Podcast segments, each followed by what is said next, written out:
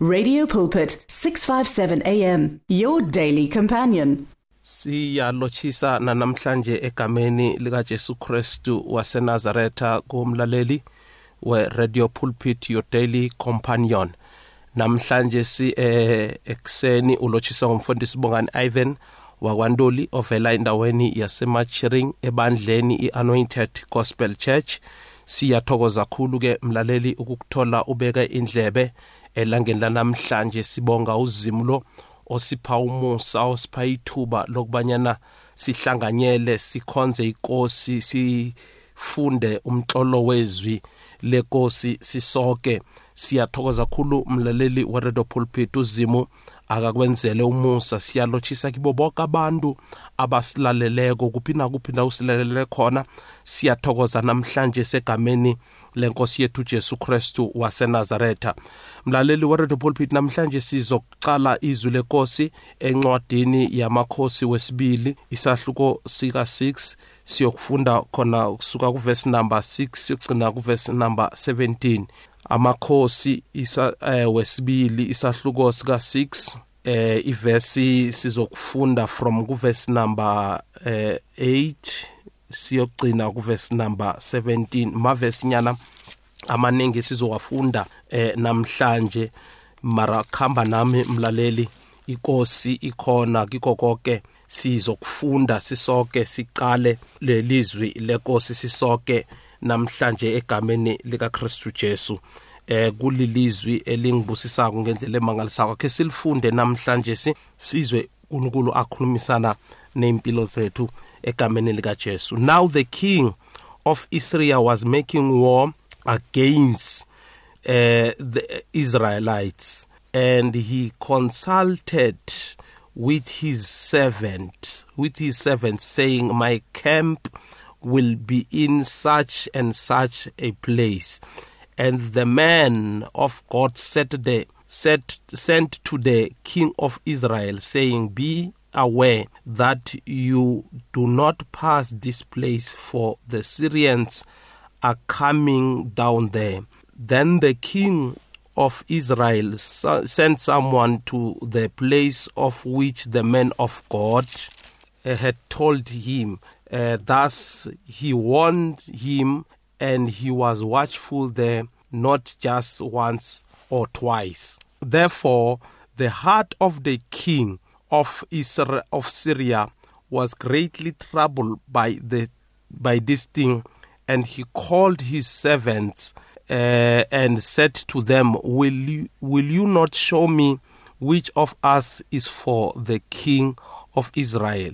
Uh, and one of his servants said, "None, my lord." O king, but Elisha the prophet who is in Israel tells the king of Israel the words that you speak in your room. So he said, Go and see where he is, that I may send and get him. And it was told, saying, Surely he is in Dotan. Therefore he sent horses and chariots, a great army there and they came by night and surrounded the city. And when the servant of the man of God arose early and went out, there was an army surrounding the city with, uh, with horse and chariots. And his servant said to him, Alas, my master, what shall we do? So he answered, Do not fear, for those who are with us are more than those who are with them. Uh, verse number 17 yokugcina Elisha, Elisha prayed and said to the Lord, I pray, open his eyes that he may see. That the Lord, the, then the Lord opened the eyes of the man, and he saw, and behold, a, the mountain was full of horses and chariots of fire all around Elisha. ilizwi likaNkuluNkulu esilitholako namhlanje si egameni likaJesu sikhulumela ngaphasi kwesihloko namhlanje mlaleli weRadio Pulpit so esithi ukuvuleka kwamehlo wakamoya ukuvuleka kwamehlo wakamoya now siyathola lapha ke indaba kaElisha eh uElisha bekumprofeti uzimu ebekamjamisile ngalesi sikhathi kwaIsrayeli. Eh Elisha bekumprofeti uNkulunkulu bekamvusile ngakulesi sikhathi and aberega kwaIsrael bekakhona ukubona whatever into ebeyenzakala. So manje sike ngalesi sikhathi ke bekunama Syrians ama Syria ebekakhona alwisana noIsrael manje ngesikhathi lesi se-old testament bekuliwa kungenwa epini ya physically yokubambana physically. So so manje sike into ebeyenzakala bekuhlelwa ukuthi no siyahlela ukuthi siyokuhlasela laba nalaba bahlele ukuthi bazokuhlasela. So manje inkosi yakwaSiriya beyihlela ukuthi iyokuhlasela ikampa yakwaIsrayeli. Manje nayisahlelako lithi iBhayibheli njengoba besifundile ezwini lenkosi ukuthi ke nayisahlelako nje uzimo bekakhona ukuthi atshele uElisha then uElisha akhambe ayokulimukisa inkosi yakwaIsrayeli ukuthi noma qaphelani ukuthi ke amaSyria azokuza eh so and so. Kunendawo la nizokuthi nanithi niyakhamba niyakibo. Eh baniplanele ukuthi kune trap abanisetele yona.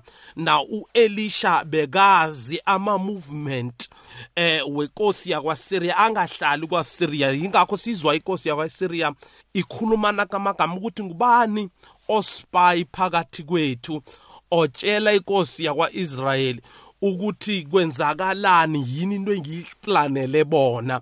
Yini into engiyenzele yona?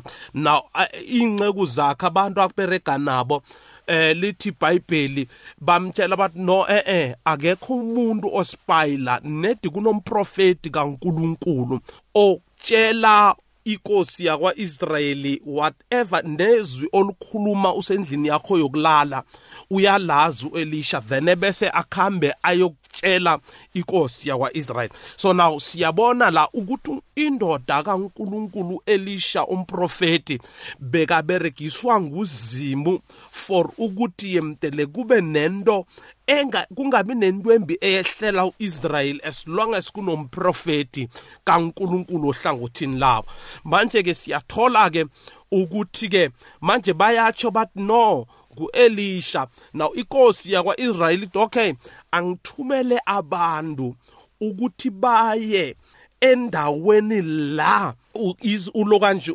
ulomprofeti Elisha akhona then sikwazi ukumbamba simlethe la sikhona.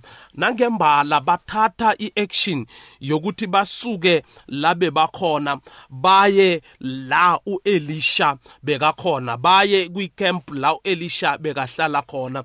Lithi basurrounda indlawo ebekahlala kiyo uElisha bayisurrounda ngama chariots bayisurrounda ngamasoji army beyinengi ngendlela emangalisa inceku ehlala noElisha yathi nayivuka ekseni ivuka ekseni ithi mhlawumbe iyavuka nakathi uyavuka uya ngaphandle uthola indawo abahlezi kiyo isarroundwe yi-army lama lama lama Syrians lama lama Saria lizombeleze le ndawo abahlezi kiyo. So now nayisombeleze njalo athuka buyele ngendlini athi hey Elisha ngaphandle kusona sona sona so athi hayi ungakhathazeki. uElisha amtshela athi ungakhathazeki laba abangakithi.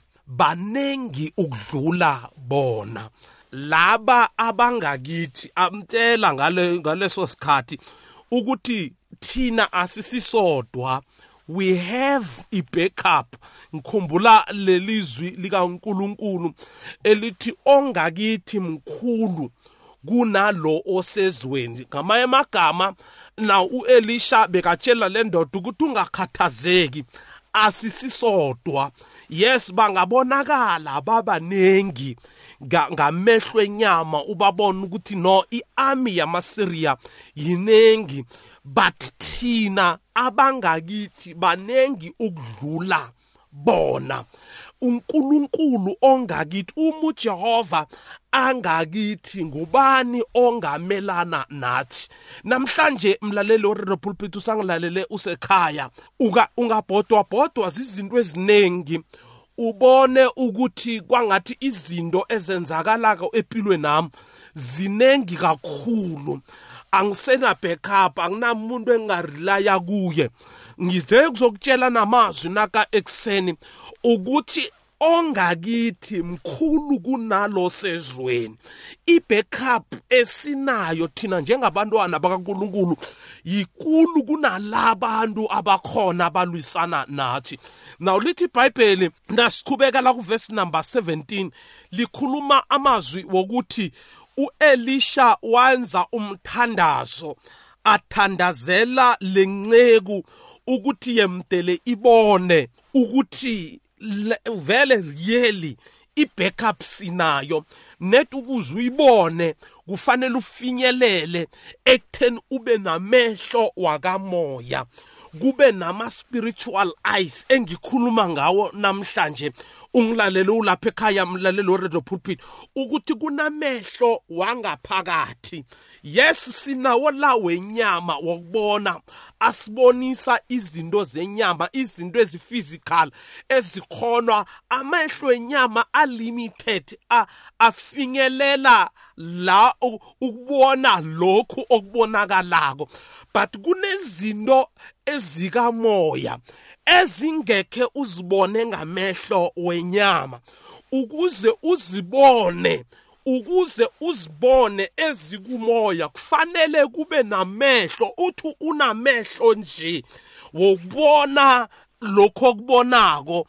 Na umuntu oblind ongaboni osiphofu emehlweni u-short sighted akakhoni ukubona. Though thina sibona umuntu wona onamehlo ubona but lo ongamehlo nanoma avulekile but akakhoni ukubona akana sight akakhona ukubona ukubona akukho. So now ukuze ufinyelele ezingeni lokubona izinto zakamoya kufanele ube kumoya. Ukuze ubone izinto zikami ngoba zikhona izinto ezenzakalako ezweni lakamoya. Onga ozothi nangabe awukho ezweni lakamoya angeke ukhona ukubona izinto ezenzakalako. Now lithi iBhayibheli uElisha wathandazela lenceku ukuthi zimumvule amehlo kamoya. Kungaba nombuzo ukuthi mvula amehlo uthi mvula amehlo. Ngaba nombuzo ukuthi awu ngoba umuntu lo uyabona and ubona amasiriya azongeleze indlu labahlala khona.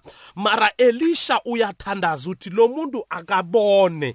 Now akakhulumi ngokubona kwamehlo wenyama but ukhuluma ngokubona kwamehlo wakamoya. Manje siyawadinga amehlo kamoya ukuthi sikwazi ukubona izinto eh usathane azenzako in the spiritual realm.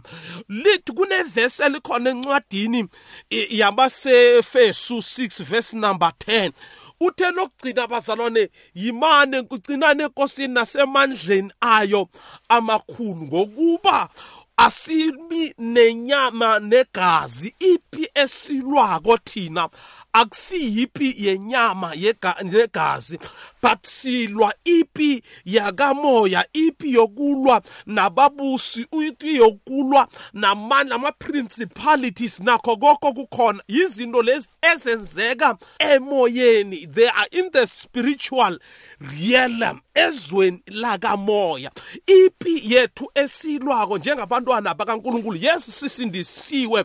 Yes sikonfessa ukuthi uJesu uyinkosi nomsindisi weimpilo zethu. Zokunjalo but kunala kune kunepi ekhona in the spiritual realm eliswana nokuthi thina sikonfesse lento yokuthi uJesu uyinkosi yeimpilo zethu. Manje nasilwisa njalo kufanele sibe nalamehlo kamoya.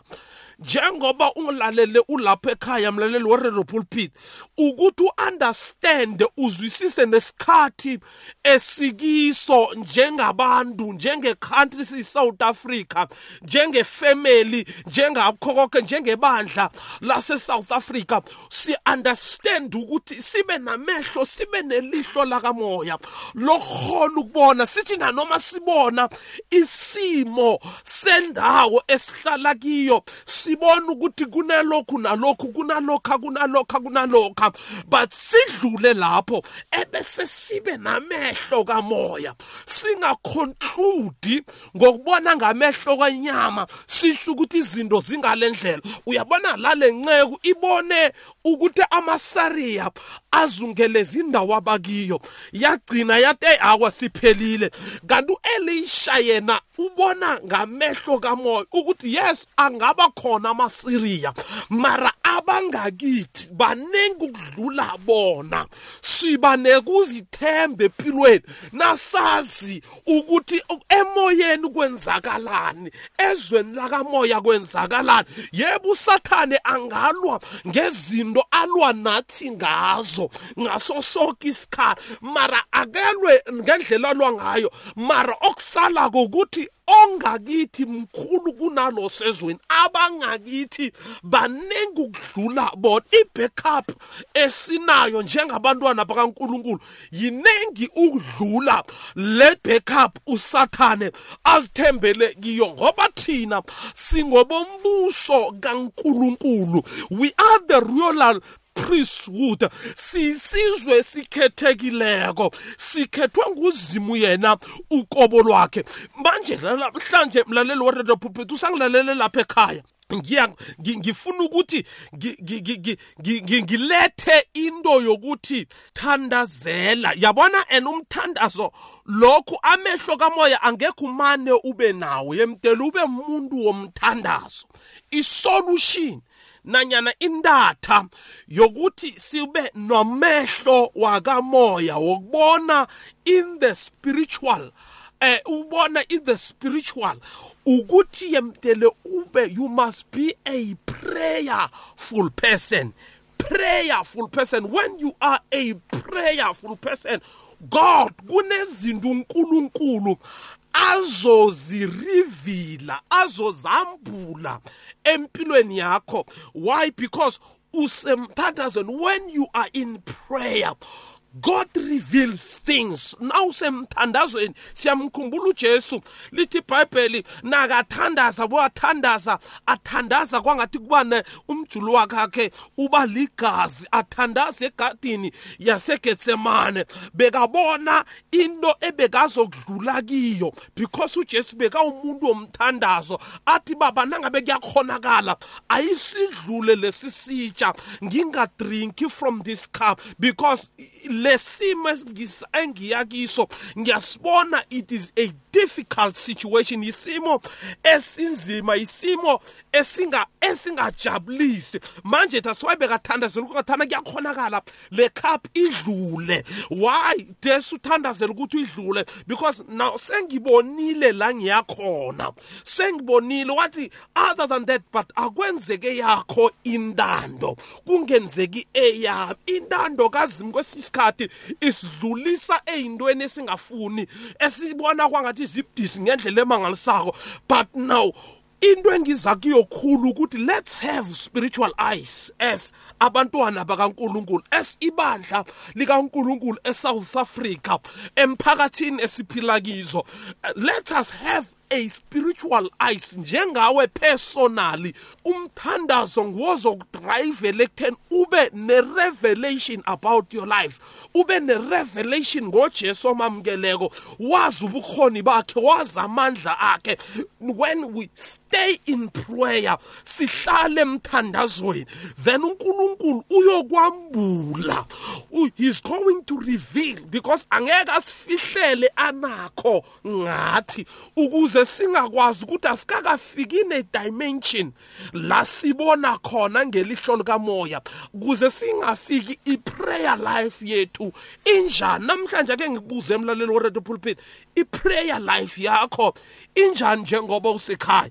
Injani njengoba usekhaya? Injani njengoba ukhonza egameni likaJesu? Manje sithandaze ukuthi uNkulunkulu asivule amehlo ake sithandaze mlaleli weRadio Pulpit babe egameni lika Jesu Christu waseNazaretha siyabonga. Namhlanje nangumlaleli weRadio Pulpit sithandazela ukuvuleka kwamehlo kamoya. Egameni nasegazini lomfelothu Jesu Christu oNkulunkulu wethu ozophila busi naphakade naphakade. Namfuna umfundisi uNtuli nakama nambara wami 076 027 0799 076 027 0799 uNkulunkulu akubusise amen The words of the Lord are words of life. Your heart is on 657 AM. 657 AM. Radio for believers in action.